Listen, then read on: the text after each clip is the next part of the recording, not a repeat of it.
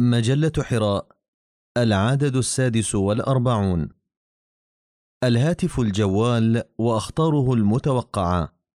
بقلم الدكتور حذيفة أحمد الخراط. غدت الاتصالات الحديثة بأشكالها المختلفة وصورها المتباينة جزءا لا يتجزأ من حياتنا اليومية وأصبح ما كان حلما في الأمس واقعا ملموسا.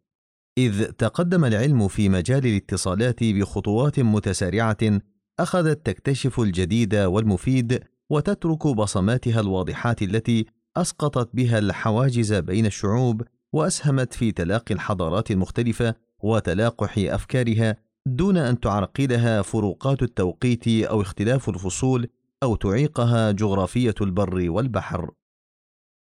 وفي وقتنا الراهن تظهر طفرة غنية عن التعريف في عالم الاتصالات التي قربت البعيد ويسرت أوعية المعرفة واختزلت الوقت وحولت المقولة المشهورة العالم قرية صغيرة إلى حقيقة مشاهدة يسهل معها تداول الأخبار والمستجدات عبر وسائل متنوعة وعديدة بدأت على استحياء وسرعان ما تطورت لتشهد حضورا قويا وجريئا ما يزال ينمو يوما بعد يوم.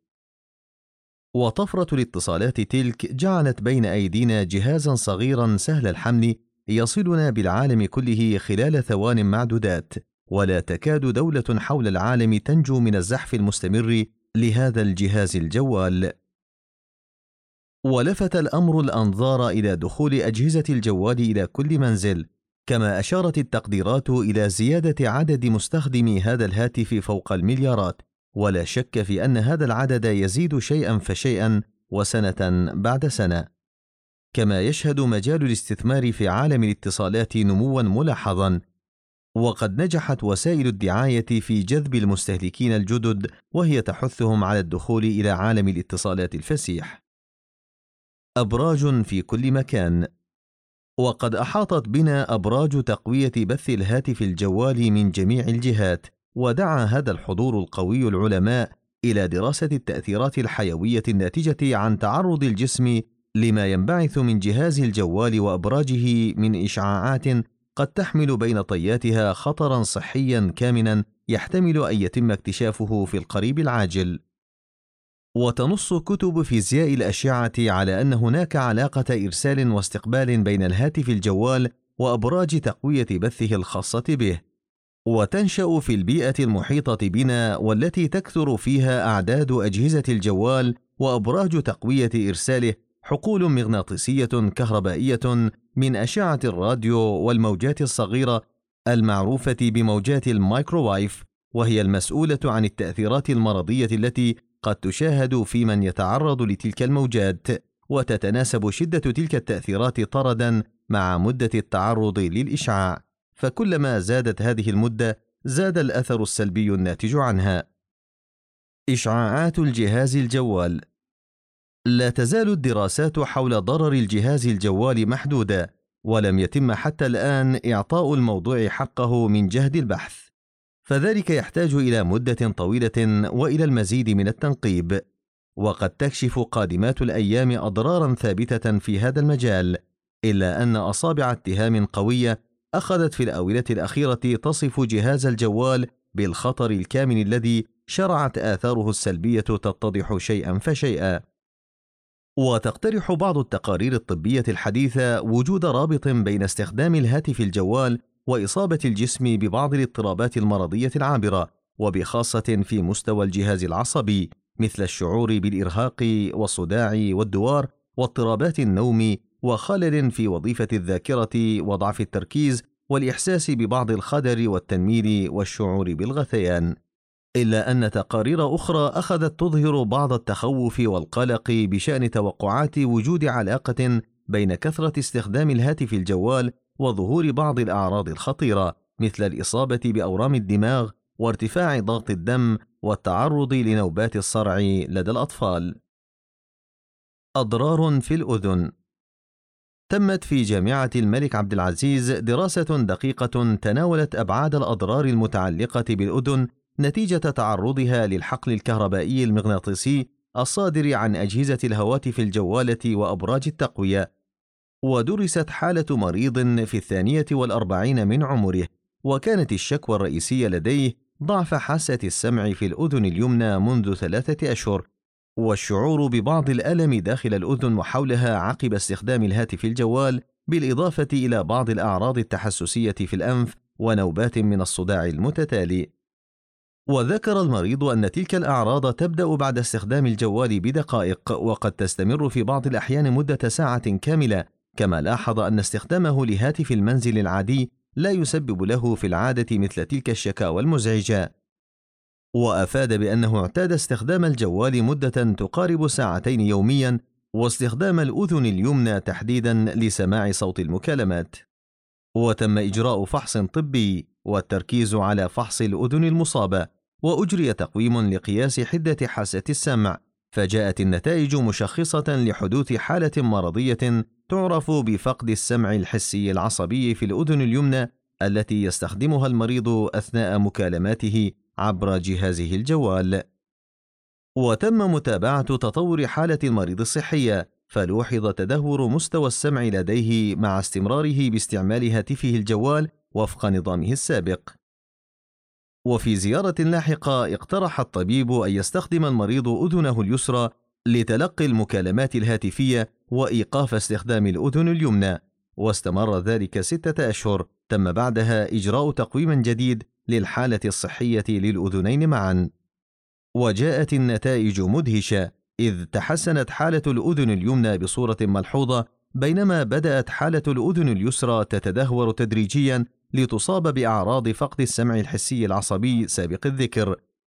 فأصدر الطبيب تعليمات جديدة إلى مريضه مفادها ضرورة الحد من استخدام الجوال.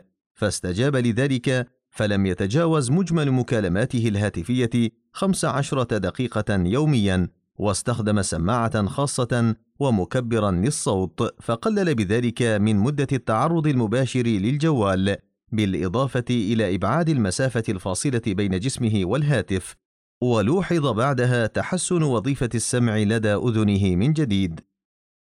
أما التفسير العلمي لذلك فقد أوضحته الدراسات التي تقول إن لقوقعة الأذن مقدرة على امتصاص جزء كبير من موجات الحقل الكهربائي المغناطيسي، مما يؤدي إلى ارتفاع درجة حرارة أنسجة تلك القوقعة وما جاورها، وهذا يؤثر سلبا في صحة الخلايا الشعرية، مما يضعف حاسة السمع بصورة تدريجية ملحوظة.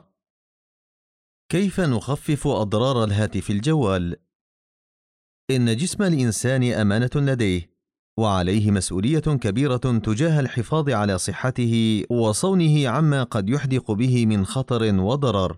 ويدخل ذلك ضمن الالتزام بوصية رسول الله صلى الله عليه وسلم حين قال إن لجسدك عليك حقا وقوله لا ضرر ولا ضرار وثمة العديد من أساليب الوقاية التي تساعد في الحد من تعرض الجسم لمخاطر الإشعاع الصادرة عن جهاز الهاتف الجوال. ومن ذلك تقليل استخدام هذا الجهاز قدر المستطاع بتقليل مدة المكالمة واقتصار استعماله أثناء الحاجة إليه.